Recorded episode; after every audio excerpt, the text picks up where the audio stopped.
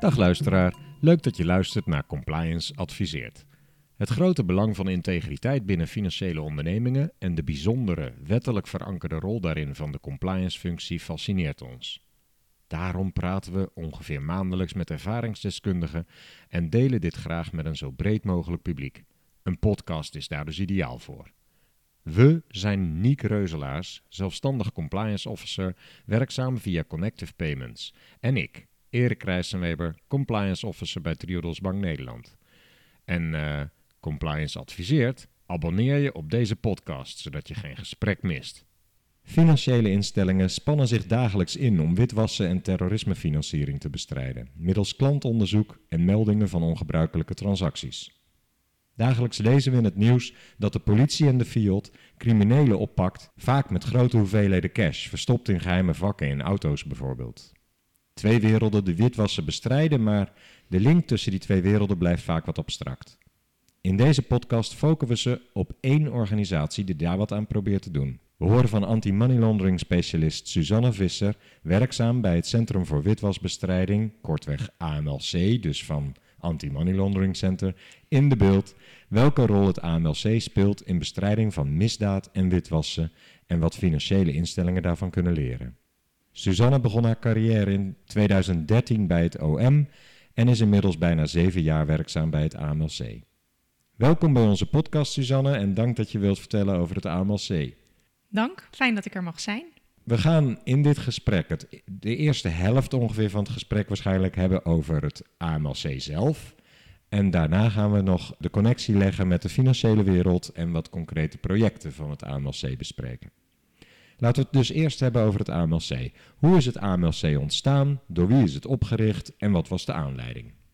In 2012 heeft de toenmalig staatssecretaris van Financiën in het regeerakkoord extra geld ter beschikking gesteld. En dit was een impuls voor de witwasbestrijding. Dit noemen wij de business case. Dit was een initiatief van de FIOD. In die business case was nagedacht hoe we de witwasbestrijding vorm zouden moeten geven. Hiervoor werden er naast de bestaande witwasteams van de Field, dat waren er twee en een combi-team met de politie, en die focussen vooral op de aanpak van facilitators, werden er drie extra witwasteams bij de Field geformeerd. En tevens werd er een platform ontwikkeld waarin alle bij de witwasbestrijding betrokken partijen samen konden komen. Dat was het AMLC. Het doel van het AMLC is dan precies? Nou, dat is, vervalt eigenlijk in onze missie. Het AMLC is een samenwerkingsverband van publieke en private partijen. En wij hebben de ambitie om de nationale en internationale witwasbestrijding continu te verbeteren. Je eerste antwoord was dat het FIOD uh, al witwasteams had. Mm Bestaan die nog of zijn die nu overgegaan in het AMLC dan? Nee, wat er, wat er is gebeurd bij de FIOD is dat we hadden verschillende witwasteams in de opsporing. Er zijn extra witwasteams geformeerd en het AMLC is daarbij gekomen als een kennis- en expertisecentrum en die zit meer aan de voorkant. Dus de, meer de datakant, meer de intelligence kant. En kennis- en expertisecentrum voor welke partijen? Nou, dat is het mooie aan het AMLC. Wij zijn geformeerd voor de hele witwasbestrijding. Niet alleen voor de field, niet alleen voor de politie, niet alleen voor uh, compliance medewerkers, maar voor iedereen actief in die witwasbestrijdingsketen. Oké. En hoe realiseert het AMLC die doelen? Hoe komen jullie aan informatie over hoe witwassen werkt in de praktijk bijvoorbeeld? Nou, wij hebben drie strategische doelen bij het AMLC. En het is wel goed als ik die denk ik even noem. Ja.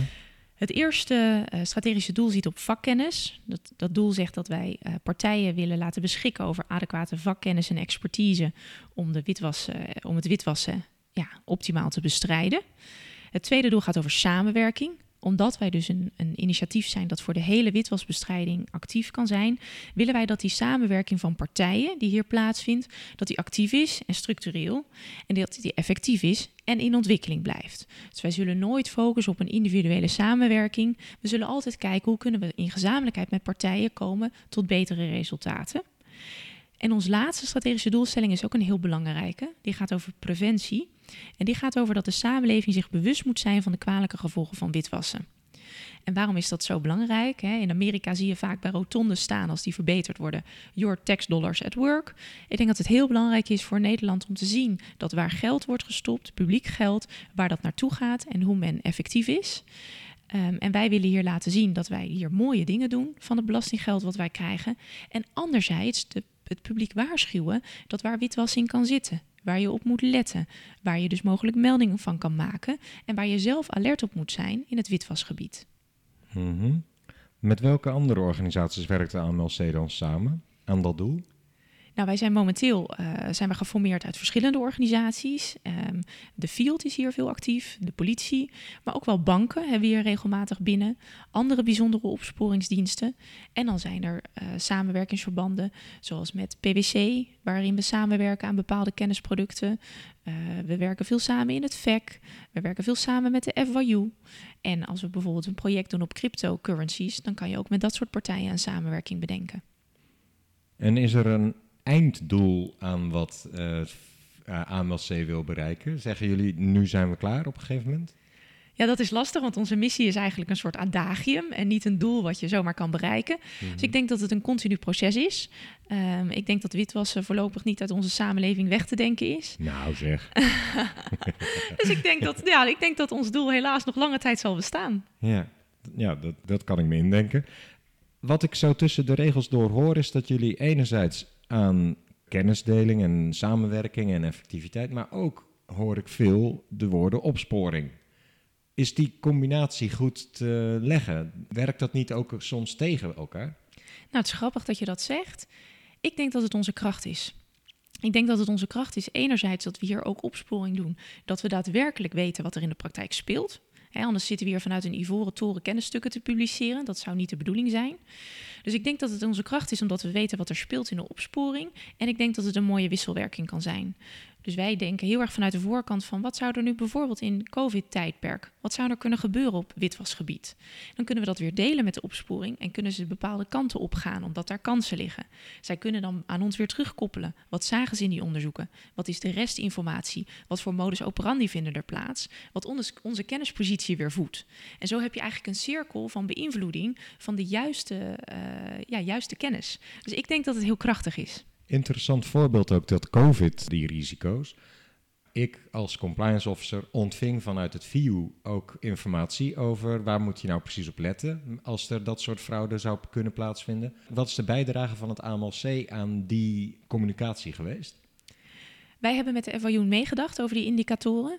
Uh, vanuit COVID hebben wij een, uh, een, projectplan geschreven waarbij we onze visie hebben beschreven en onze aanpak. Dus wat denken we dat er verandert in het witwasland en wat verandert er niet?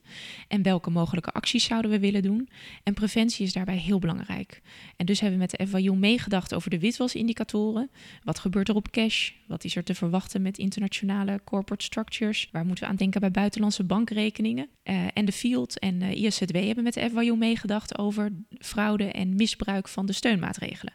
Dus de FIU heeft daar echt in samen opgetrokken met de partijen in dat werkveld om gedegen indicatoren te maken. Ja. Maar zij zijn degene die een nieuwsbrief maken en indicatoren afgeven. Is de bijdrage van het AMLC aan het bestrijden van witwassen op de een of andere manier meetbaar gemaakt? Ja, dat is denk ik een lastige vraag, want vooral de opsporing is heel meetbaar. Je kunt zien wat voor onderzoeken we doen, uh, wat, voor, uh, wat voor straffen dat op zitting met zich meebrengt, waar we het dan over hebben met afpakken. Maar wij doen zoveel meer dan opsporing. Als ik even teruggrijp op het, op het COVID-gebeuren, als wij de krant uh, halen met bepaalde preventieve maatregelen, ja, dan kan je niet zeggen dat dat meetbaar is. Dat er nu minder CEO-fraude plaatsvindt omdat wij daar aandacht voor hebben gevraagd, dat kunnen we niet meten. Nee. Dat, dat jullie vanuit banken beter meldingen doen omdat wij met de FYU hebben nagedacht over indicatoren, dat kunnen we ook niet zo goed meten. Hmm. Dus ik denk dat een heel deel van het werk wat wij doen, uh, ook in preventie, toezicht en voorkant zit. En dat laat zich gewoon lastiger meten. Ja, nou dat is eens. Uh, op welke typen witwassen concentreert de AMLC zich vooral? Nou, wij kijken met name naar witwassen zonder gronddelict, heet dat. Dat was ook de business case waarmee wij zijn uh, opgericht. De politie is heel sterk, uh, ook in witwassen, doen veel op dat gebied. En die kijken toch met name ook naar witwassen met gronddelict, zeker in die tijd. Hè, bij de politie. Kun je dat kort toelichten? Wat, wat moet je daar dan onder verstaan? Nou, je, je hebt bijvoorbeeld drugs of mensenhandel. Dat noemen wij een gronddelict. Daar wordt geld mee verdiend. En vervolgens kun je met dat geld gaan witwassen. Maar waar je het geld mee hebt verdiend, waar je mee wit was, dat noemen wij het gronddelict. Zo ja. is het ook vastgelegd in uh, de wettekst. Ehm, en wij kijken met name naar onderzoeken waarbij we niet zeker weten wat het gronddelict is, maar we wel een hele stroom aan geld of goederen zien die we niet kunnen verklaren. En dat is bij de field belegd en bij financiële teams van de politie, omdat zij met name geëquipeerd zijn voor dat diepgravende financiële onderzoek. Als wij drugs in, een huis aantreffen en we zien ook een uh, stapel bankbiljetten, dan is het misschien makkelijk te verklaren waar dat geld vandaan komt. Maar als wij iemand zien zonder legaal inkomen en wel met hele dure auto's, dan wordt het al lastiger. Waar is dat mee verdiend? Hoe, hoe, ja, waar komt dat vandaan? Is dat dan nog relevant? Want witwassen is ook al strafbaar. Dus dan hoef je niet eens per se te weten waar het vandaan komt als ze het geen verklaring kunnen geven. Of zie ik dat verkeerd? Nou, bij witwassen moet je wel kunnen aanduiden dat het geen legale herkomst heeft. Want eh, ja, elke stroom geld kunnen we natuurlijk niet zomaar van zeggen dat hij niet legaal is. Dus je hoeft niet aan te duiden welk gronddelict exact en wanneer dat heeft plaatsgevonden. Maar je moet wel kunnen uitleggen dat het niet legaal kan zijn geweest. En dat vraagt wel diepgravend financieel onderzoek. Ja, ja en dat vraagt een bepaalde expertise. Oké, en die expertise, dat wordt geconcentreerd bij het AMLC? Of zijn er nog andere partijen waar ook dit soort kennis dan ligt bij de overheid? Nou, de financiële politie is hier ook voor geëquipeerd. Die doen ook dit soort onderzoeken. Wij bij de field, hè, de opsporingsteams van witwassen en andere, andere teams doen ook dit soort onderzoeken. Uh, en bij het AMLC zijn we met name bezig met die gronddelicten en aan de voorkant kijken van hoe kunnen we die vinden. Dus wat voor data hebben we daarvoor nodig? Wat voor typologieën kunnen we onderscheiden? Hoe kunnen we met partijen goed komen tot die voorkant in kaart brengen? Waar hebben we het over met elkaar? En daar werken wij ook heel themagericht. Dus witwassen is heel breed, maar wij kijken met name naar thema's die relevant zijn momenteel. En daar hebben wij er drie waar we momenteel aan werken. De eerste is financial safety. Die komt eigenlijk voort uit de hele nasleep van die ING-zaak. Om meer met banken en andere instellingen te kijken op het financiële gebied. Waar liggen nou risico's? We kijken naar verhuld vermogen. Daar heb ik zelf heel veel op gedaan. Uh, we hebben het over offshore constructies, buitenlandse bankrekeningen. En we kijken veel naar TBML, Trade-Based Money Laundering. Dat is het misbruiken van goederenstromen voor witwassen. Dus die thema's bieden ons wat houvast binnen de witwasbestrijding van het niet gronddelict gerelateerde witwassen. Kun je iets meer vertellen over dat verhuld vermogen? Wat moet ik daaronder verstaan? Nou, verhuld vermogen is eigenlijk alles, al het vermogen wat niet zichtbaar is, wat verstopt is voor de autoriteiten, die daar wel zicht op zouden moeten hebben. Dus er zijn mensen die uh, misschien voor hun partners of hun kinderen geld verstoppen. Dat is niet wat wij bedoelen. Wij bedoelen echt het verhulde vermogen wat voor de Belastingdienst of voor andere overheidspartijen uit het zicht wordt gehouden. En dan kun je dus denken aan een geheime rekening of een coderekening in Luxemburg, Zwitserland, maar ook over hele ja, ondernemingsrechtelijke structuren die zijn opgezet om vermogen uit beeld te houden. Welke bevoegdheden heeft het uh, eh, AMLC? Dat ligt eraan uh, wat, wat jouw achtergrond is. Hè. Bij het AMLC werken mensen met verschillende achtergronden. Als je vanuit de politie komt, breng je je politiebevoegdheden mee. Maar de meeste mensen bij ons zijn rechercheur, ofwel van politie, ofwel van de field. En die hebben dus opsporingsbevoegdheid. Ja, de bevoegdheid heeft dus niet te maken met het lid zijn van het AMLC, maar met uh, een rol die je bij het AMLC hebt. Correct, ja. Duidelijk. Wat voor mensen werken er verder nog bij het AMLC? Je zei net al politie en field, maar zijn er nog andere typen? Uh... Nou, wij hebben circa 35 mensen momenteel. En die hebben eigenlijk heel verschillende achtergronden. We hebben psychologen en criminologen in dienst. Maar ook uh, mensen die met een financiële achtergrond hier zijn gekomen. Die bijvoorbeeld accountant zijn geweest of nog accountant zijn. Die in de financiële opsporing hebben gewerkt als regisseur. En ook een flink, flink aantal juristen, waar ik er een van ben. Kun je iets zeggen over de grootste uitdagingen voor het AMLC? Ja, ik denk dat onze grootste uitdaging is dat wij zijn opgericht voor de witwasbestrijding in Nederland en niet voor één organisatie. En dat klinkt misschien een beetje gek, maar uh, wij denken dus over onze eigen organisatie heen. Uh, we zijn niet alleen bezig met fieldbelang, niet alleen met OM-belang, niet alleen met FYU-belang, maar met wat is van belang voor de witwasbestrijding. En dat is voor diverse organisaties best wel even schakelen. Want zoals jij ongetwijfeld ook vanuit je eigen werk zou kennen, je bent toch bezig met wat voor jouw organisatie telt. En wij proberen heel erg te kijken hoe maken we de witwasbestrijding beter. Dus als ik iets kan doen aan de preventieve kant, wat niet per se iets voor, voor opsporing betekent, dan doe ik dat toch, omdat dat witwas bestrijdt. Ja, het is veel meer op de inhoud gericht dan op de organisatie in feite. Exact, dat is een mooie samenvatting. En een andere uitdaging die daarbij komt kijken is dat we graag gegevens met elkaar delen. als, ik, als ik zeg dat in, in het COVID-gebeuren bepaalde ontwikkelingen op cash te zien zijn, zou ik het liefst meekijken met een bank of zij dat zien in de transacties. Nou, dat laat de wetgeving natuurlijk niet toe. Dus op gegevensdeling hebben we ook best, uh, best wel wat uitdagingen met elkaar. Zou je denken dat we het AMLC op deze wijze voldoende hebben beschreven? Wil je er nog iets aan toevoegen? Nee, ik denk het niet. Dan uh, ben ik wel benieuwd naar jouw rol bij het AMLC. Uh, wat houdt jouw rol precies in? Wat, wat zijn je dagelijkse bezigheden? Um, ik ben AML-specialist, dus ik focus mij, uh, focus mij op de witwasbestrijding. Maar wat je specifieke rol is binnen het AMLC hangt heel erg af van je achtergrond. Dus wij hebben mensen die gespecialiseerd zijn in data, eh, data scientisten, data analisten. We hebben mensen die meer in de projectleidersrol zitten, dus die meer die kant pakken. Mensen die heel erg zijn van de kennis, dus die de juridische achtergrond vaak dan mee hebben en daarin meekijken. En mijn achtergrond uh, vanuit het juridische heb ik veel gedaan op de WWFT, veel gedaan op verhuld vermogen. Um, en momenteel hou ik me bezig met uh, enerzijds COVID en de gevolgen van COVID voor de witwasbestrijding. En anderzijds met meer data gedreven kijken naar opsporing. En dat doe ik in samenwerking met collega's van de field. Maar wat houdt dat precies in? Jullie gaan aan, samen achter een computer zitten en data bekijken? Dat kan, dat kan. Nou, het ligt eraan wat voor product we maken. Hè. Als we, we hebben bijvoorbeeld nu met PwC een samenwerking voor kennisdeling. Dan maken we samen uh, hypotheses, kijken we naar kennis. Uh, gieten we dat in een podcast bijvoorbeeld of in een presentatie. Maar als we meer kijken naar uh, opsporingssignalen, nou, dan kijken we met de FYU. Een mooi voorbeeld is COVID. Wij denken na over hypotheses. Die delen we met de FYU. FIU deelt dit met uh, financiële instellingen. Daar krijgen we nu al hele mooie meldingen van terug. Hè. Uh, die dossiers kunnen we oppakken, bekijken en die met opsporing delen. jullie ook dan weer? Ja, ja, ja als die verdacht verklaard worden. Precies, dus de bank meldt bij de FIU iets wat zij ongebruikelijk vinden. De FIU verklaart verdacht. En de FIOT, onderdeel dus van het AMLC, heeft een opsporingsbevoegdheid, krijgt dus ook toegang tot die FIU-gegevens. Dat klopt. wij kijken hier naar de VT-bak, zoals wij dat noemen, de verdachte transactiesbak. En daar heeft de politie ook toegang toe, daar heeft de FIOL toegang toe en daar hebben wij toegang toe. En wij proberen daar uh, trends in te ontdekken en bepaalde signalen daaruit te filteren. Maar wat moest jij nou specifiek doen om AMLC-specialist te worden?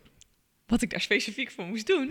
Hier solliciteren. Uh, dus je moet een bepaalde achtergrond hebben en dan moet je hier solliciteren. Ja, uh, maar wat, wat, die achtergrond, hoe, hoe word je dat? Hoe, je, je bent niet van de een op de andere dag, uh, dus doorzie je hoe wit gewassen wordt. Of heb je Ozark gekeken? Nee, dat klopt helemaal. Nee, met Ozark kijken kom je er niet.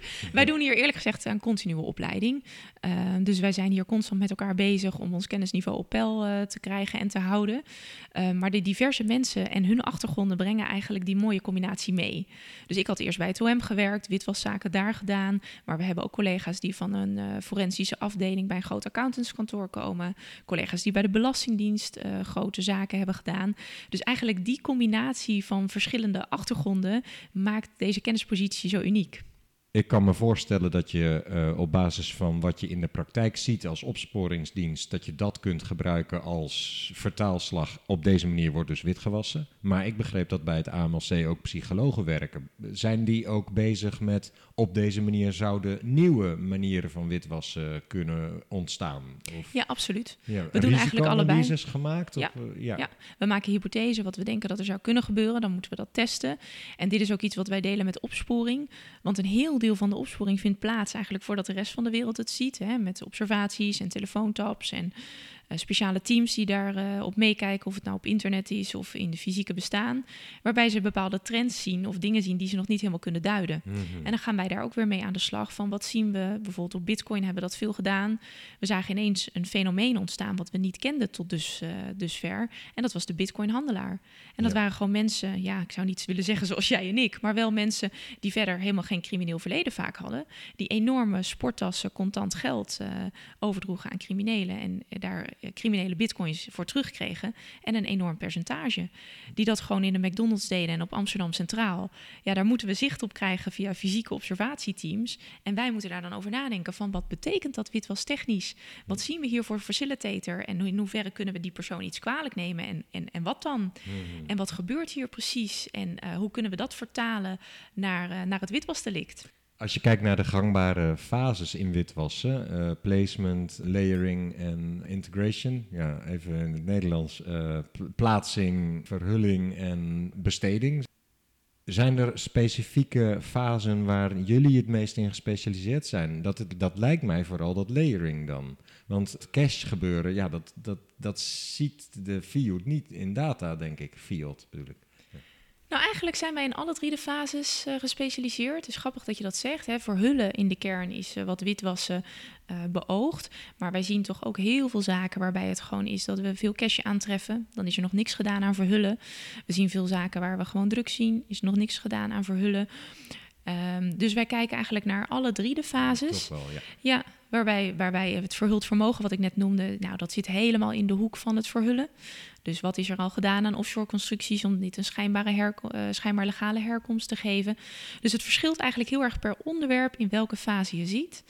Uh, maar we zien toch ook nog heel veel aan de voorkant, waarbij mensen nog niks hebben gedaan aan het uh, geven van een schijnbaar legale herkomst. Ik denk zelf dat een groot deel van het witwassen is dat mensen zwart geld hebben uit, uit verdiensten van even geen omzet opgeven en daar boodschappen mee doen bij, uh, bij supermarkten. Mm-hmm. Dat is ook gewoon een deel van het witwassen wat gebeurt. Uh, en wij proberen ons niet te concentreren op dat soort ja, toch relatief eenvoudige zaken. Wij proberen naar de meer ingewikkelde zaken te krijgen, kijken. En dan kom je wel op het verhullen en het, uh, en het integreren. Ja. Wat is jouw persoonlijke motivatie om bij het AMLC te werken? Je persoonlijke betrokkenheid bij deze missie?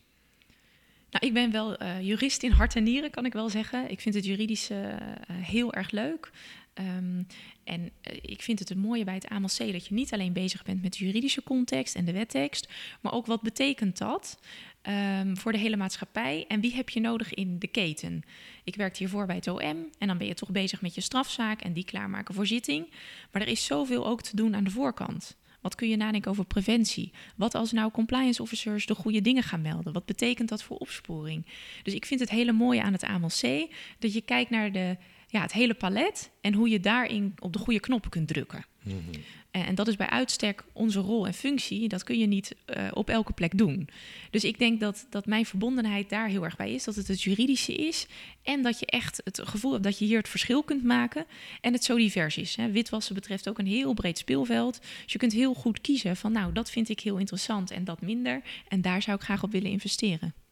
Maar dan wil ik toch nog heel even terug naar die vraag over die bevoegdheden. Ik kan me voorstellen dat jullie een bepaalde kennis hebben, maar je bent ook opsporer. Wordt het op het moment dat je samenwerkt met bijvoorbeeld een financiële instelling niet spannend voor ze om dingen met jullie te delen, omdat ze misschien zelf ook bang zijn uh, weer gepakt te worden? Dat ze iets niet volledig hebben gedaan? Of zijn ze daar open in?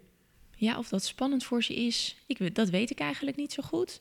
Ik denk dat de spanning er best wel is tot het moment dat we elkaar ontmoeten. Ik heb wel voorbeelden gehad met organisaties dat ze het toch best wel spannend vonden bij de field op bezoek te komen of het AMLC. Toen ik je zag, viel bij mij ook een heleboel spanning weg. Dat is maar ik denk uiteindelijk werken we toch voor hetzelfde doel. En alle organisaties met wie wij werken, en dat zijn ook de financiële instellingen waar we het vandaag over hebben, niemand wil al die um, zwarte gelden in ons systeem hebben. Nee. Dus ik, ik denk, ja, er, er, is een enerzijds een risico dat als je met ons werkt, dat als we echt duiden op grove, grove fouten of uh, grote, grote zaken, ja, dan moeten wij daar wat mee. Want wij zijn wel, uiteindelijk wel, kijken we vanuit die bril ernaar. Maar ik heb nog nooit een organisatie gehoord die zegt, ja, dan zou ik dat liever niet willen laten zien, want ik wil niet dat dat aan het licht komt. Nou, nee. de, de focus, stel ik mij zo voor, ligt natuurlijk ook op de witwasser en niet per se op de bank die dat zelf ook probeert te bestrijden, die of de financiële instelling die komen ook bij jullie juist omdat ze daarin willen verbeteren en niet omdat ze iets te verbergen hebben. Dat klopt, Denk dat klopt dan. helemaal. Maar ik ja. moet daar wel bij zeggen dat wij ons ook focussen op de WWFT. Dus als wij mensen, mensen uh, ja, hier krijgen of uh, organisaties zien die consequente WWFT overtreden, zullen wij daar zeker ook op acteren. Ja. Dat gaan we niet laten liggen omdat we vanuit de samenwerking denken. Komt het wel eens voor dat je een financiële instelling die hier advies komt vragen, of, of uh, ja, want zo werkt het geloof ik, de expertise komt halen, dat je constateert, goh, maar je voldoet niet helemaal aan de WWFT, dat je ook hem daarop moet wijzen? Dat heb ik zelf nog niet meegemaakt in deze concrete zin van individuele samenwerking. Maar we doen natuurlijk best veel met ING. Maar de ING-zaak, de grote schikking, komt hier ook vandaan. Ja, die is hier begonnen. Ja. Bij het AMLC. Ja. Wat heb je geleerd in de periode bij het AMLC over wat het meest effectief is om witwassen te bestrijden? Dit klinkt een beetje als een cliché, maar ik ga toch zeggen, omdat dit ook met name is voor die financieel dienstverleners die luisteren. Het meest effectief is om het, om het met elkaar te doen en het hele palet te bestrijken. Dus het heeft in zo'n situatie als waar we nu zitten met COVID geen zin als ik alleen kijk naar de opsporingskant van COVID. Dat zou echt eeuwig zonde zijn. Hè? Strafrecht is een vrij duur middel en lang niet altijd optimaal. Alles wat we kunnen doen aan de voorkant, alles wat we kunnen doen aan kennisdeling, met elkaar kijken naar wat we zien gebeuren, met elkaar die hypotheses toetsen en de juiste zaken eruit halen, dat is wat uiteindelijk het meest effectief is. Dus ik denk dat met name voor financieel dienstverleners die nu hun transactiemonitoring aanpassen, COVID-signalen melden bij de FIU, dat dat weer bij ons terechtkomt, zodat we de goede zaken in opsporing oppakken, dat is gewoon het meest efficiënt. Ik weet niet of het het meest actuele informatie is die ik heb gelezen in het jaarverslag van de FIU, maar daaruit blijkt dat van alle ongebruikelijke uh, transacties die gemeld worden door financiële instellingen, slechts 10% verdacht verklaard wordt, slechts 10% daarvan komt dan weer een case van. Merk je nou dat door kennisdeling die percentages wat omhoog gaan? Is dat ook niet iets wat, wat je zou moeten proberen te bereiken? Uh, ja, of die percentages omhoog gaan, dat, dat zouden we met de FOU moeten bespreken. Ik denk wel dat er altijd licht blijft tussen ongebruikelijk en verdacht. Feit is dat, dat een bank niet de hele informatiepositie heeft, niet alle opsporingsinformatie heeft. Dus een deel van wat zij zien, zullen zij als ongebruikelijk kenmerken, waarvan de FYU zal zeggen, dat snap ik, maar verdacht is het niet. Dus ik denk dat er altijd licht blijft en dat is goed.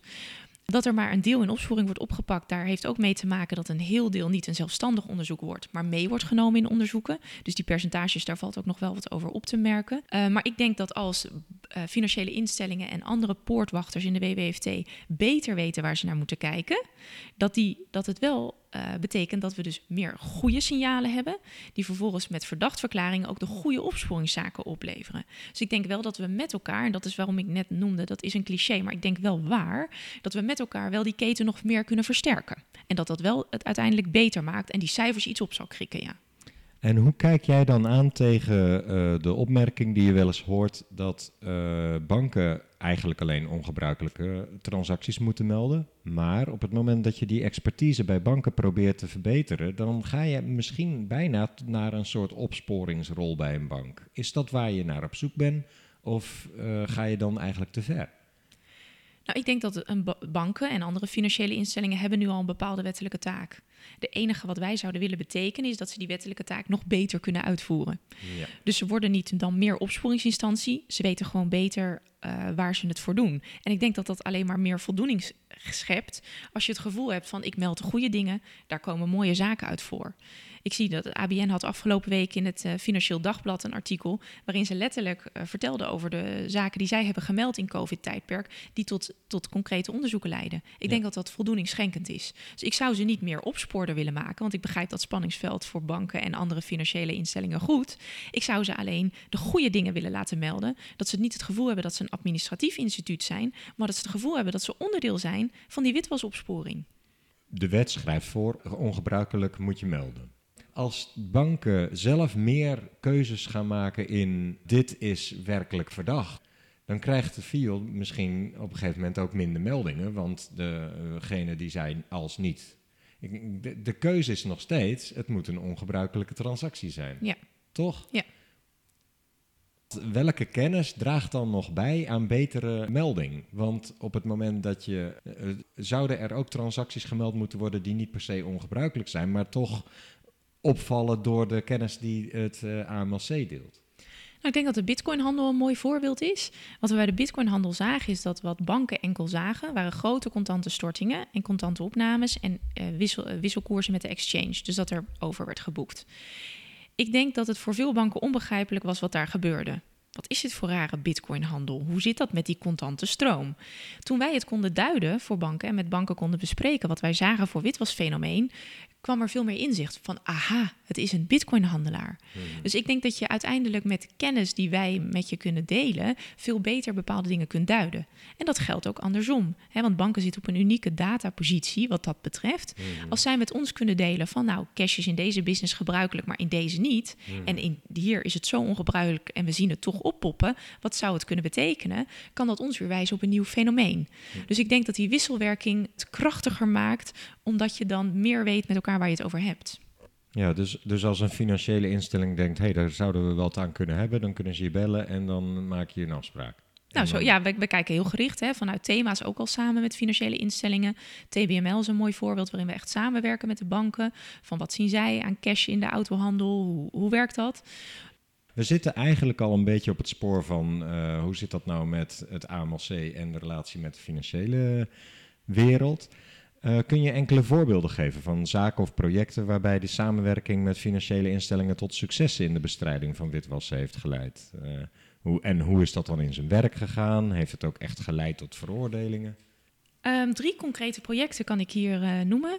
De afgelopen jaren, en zeker het afgelopen jaar, hebben we veel geïnvesteerd op de internationale samenwerking. En witwassen vindt niet alleen nationaal plaats, maar ook internationaal. Vooral zelf zou ik Vooral, ja, dat is waar. Hm. Um, dus wij uh, zitten in verschillende uh, samenwerkingsverbanden op het gebied van witwassen en uh, fraude.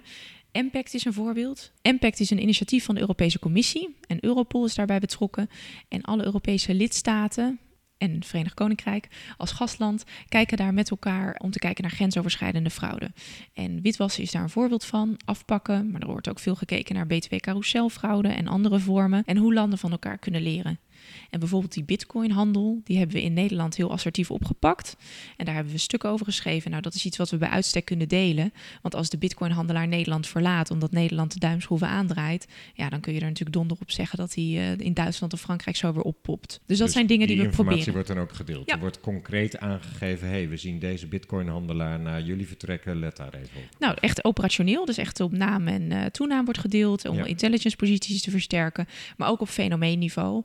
En het aanpakken van bijvoorbeeld offshore constructies, hoe wij dat doen in Nederland, dan delen we projectplannen om te kijken of zij dat soortgelijk kunnen doen.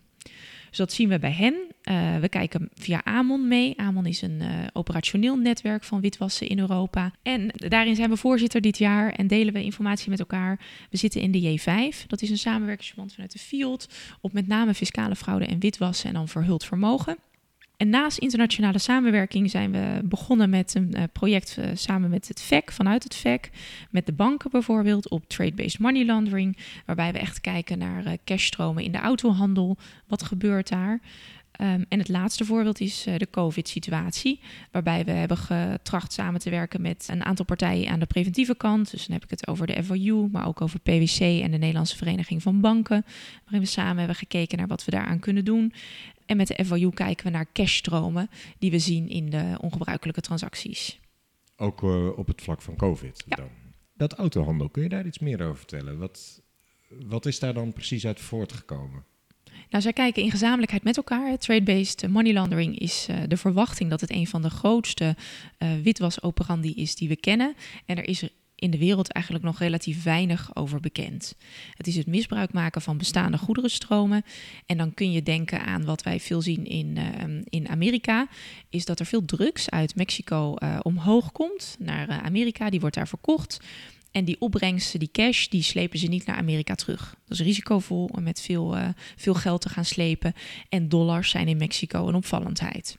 Dus wat gebeurt is dat uh, geldcouriers die uh, kopen in de haven van Californië kopen ze luxe goederen aan, kleding, sieraden, juwelen met die dollars.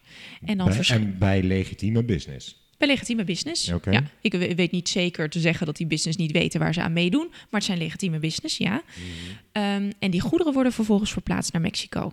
Dan verplaats je dus geen geld, maar verplaats je waarde. Contante stromen of stromen die misschien altijd al liepen. En die goederen worden dan vervolgens verkocht in Mexico. En dan krijg je er pesos voor terug. Lega ja, schijnbaar legale pesos die je hebt verdiend met je handel daar. Dat is een voorbeeld van TBML in eenvoudige vorm. Maar TBML kan op vele manieren plaatsvinden. Uh, we hebben hier best wel ingewikkelde zaken gehad van goederen die heen en weer gingen. Het is lastig om dat uh, te ontcijferen. En als Nederland lopen we daar vrij in voorop om daar uh, actie op te ondernemen. Nou, recent is met, met het AMLC een project gestart. Dat ziet op de contante stromen in de autohandel. En daar wordt samengewerkt met de VEC-partijen en ook de banken.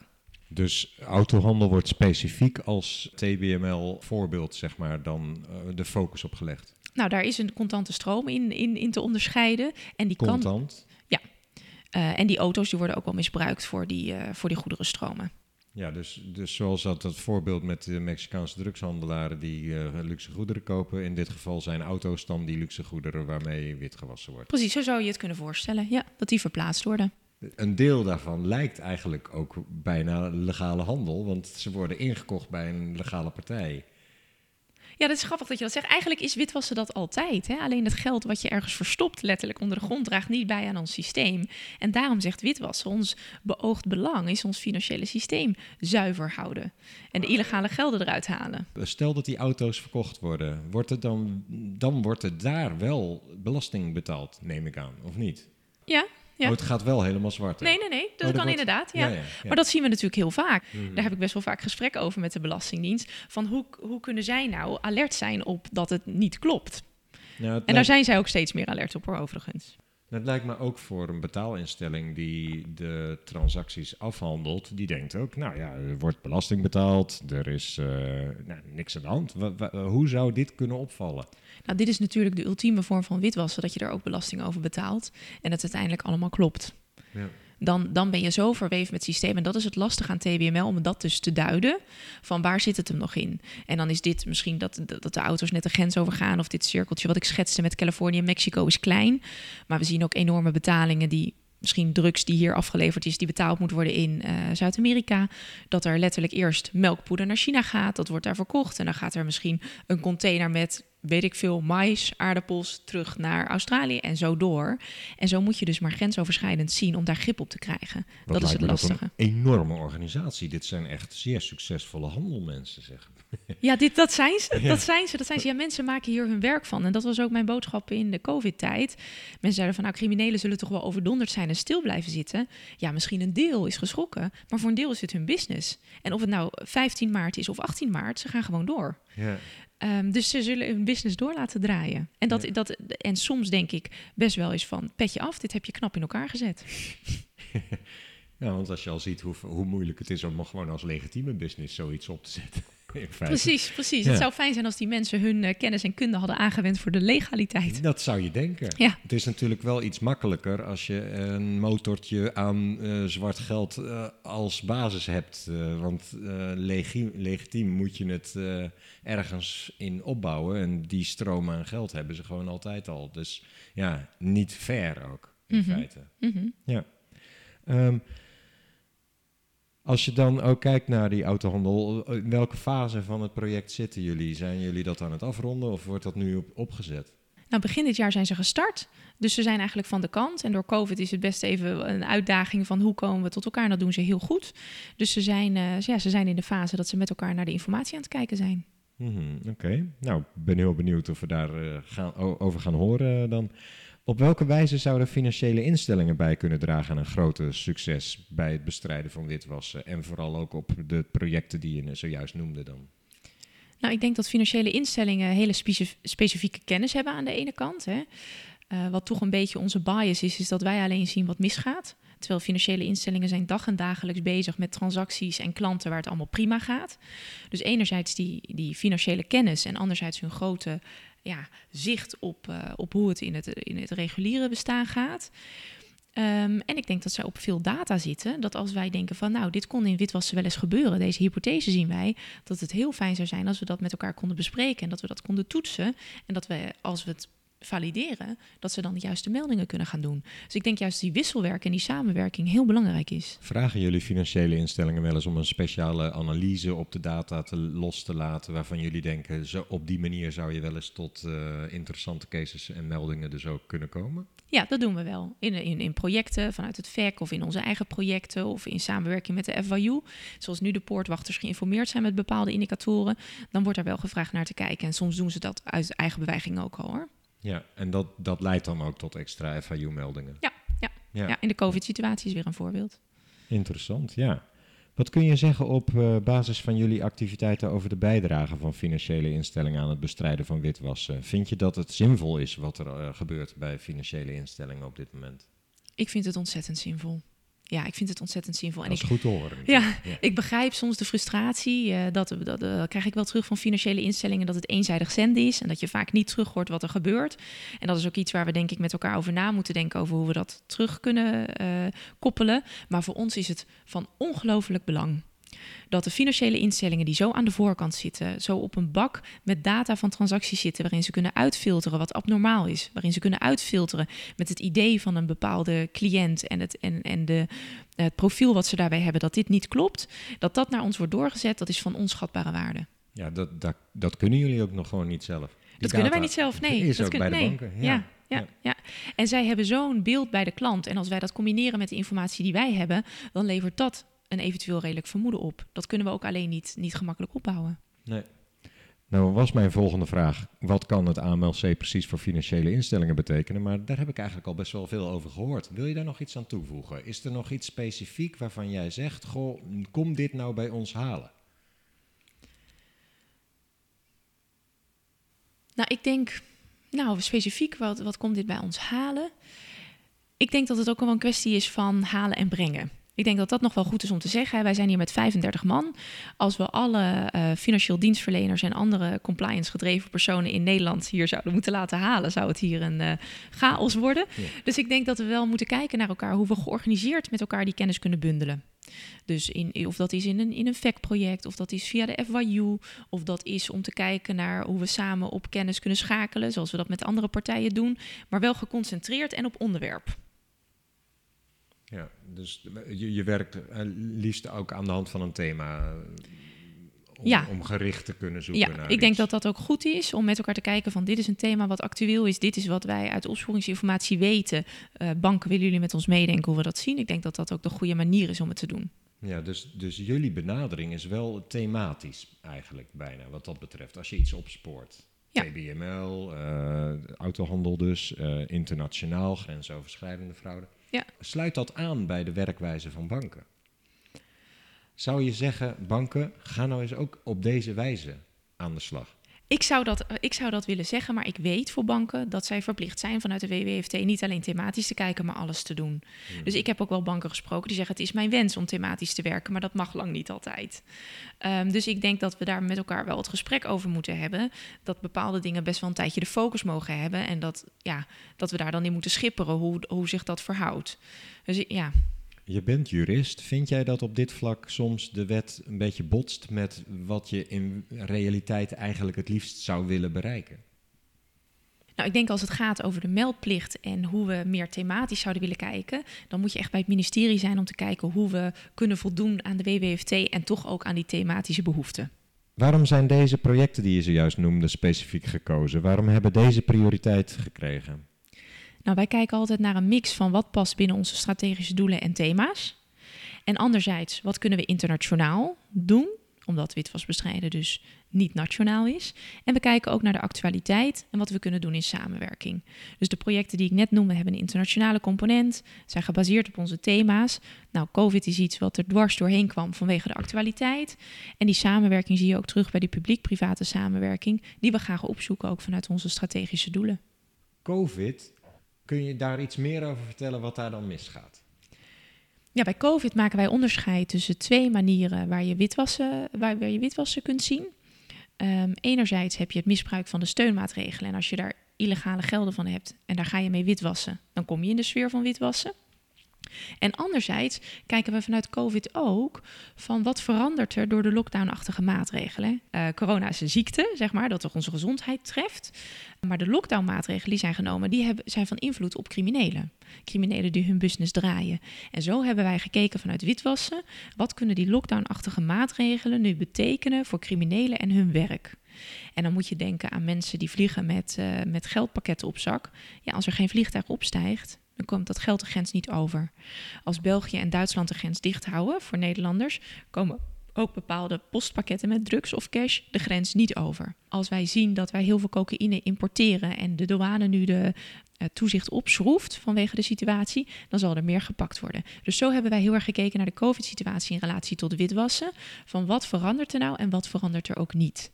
En dan een stukje ehm, is die fraude en witwassen die als, vervo- als gevolg. Dus ISZW heeft een sterke focus op de fraude met de steunmaatregelen. Dat doen ze samen met de FIOD en andere partijen. Maar wij kijken alleen naar witwassen wat daarop zou volgen. Of witwassers die aan het licht komen omdat ze nu steunmaatregelen aanvragen. Dat zien we toch ook wel. En wat zijn nou de opvallendste kenmerken dan, waar we zouden financiële instellingen op moeten letten? Um, ik denk, maar nu de grenzen weer open gaan, verandert de situatie een beetje.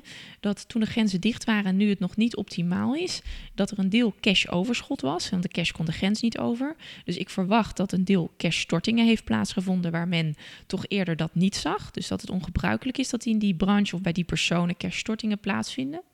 Ik denk dat een deel van de criminelen hier cash tekort had, omdat cash de grens niet overkwam.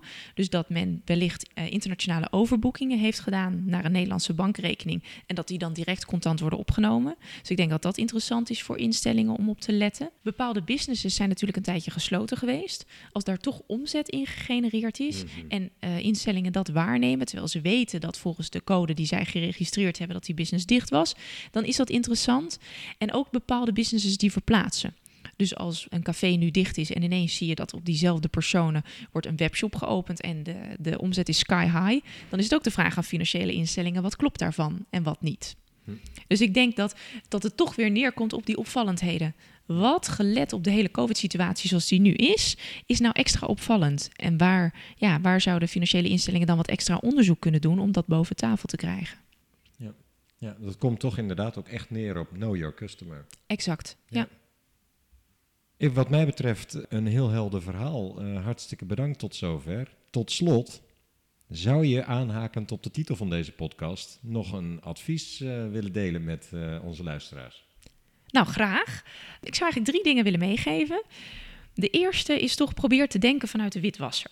Je zou denken, dit is geen Netflix, maar als je, als je dingen hebt gekeken als Breaking Bad, sommige dingen zijn bijna Netflix-achtig. Dit gebeurt echt en probeer te denken vanuit die witwasser. En dan het tweede advies is: probeer te denken vanuit die opvallendheid, de uitzondering. En challenge je eigen uitgangspunten. En dat is misschien voor mij makkelijk om te zeggen, omdat ik alleen maar zie wat niet goed gaat. Maar probeer ook eens te denken van, als je een lening hebt uit een hoog risicoland met een persoon die je helemaal niet kent, probeer dan niet te denken, nou dat zal wel goed zijn. Probeer eens te denken, misschien klopt het niet. En laat ik eens kijken wat er wel aan de hand is daadwerkelijk. En dan mijn laatste eh, tip zou zijn: kijk ook op, op onze website amlc.nl. We hebben heel veel relevante nieuwsberichten, rechtelijke uitspraken, podcasts en ook artikelen die je misschien kunnen helpen bij je werk.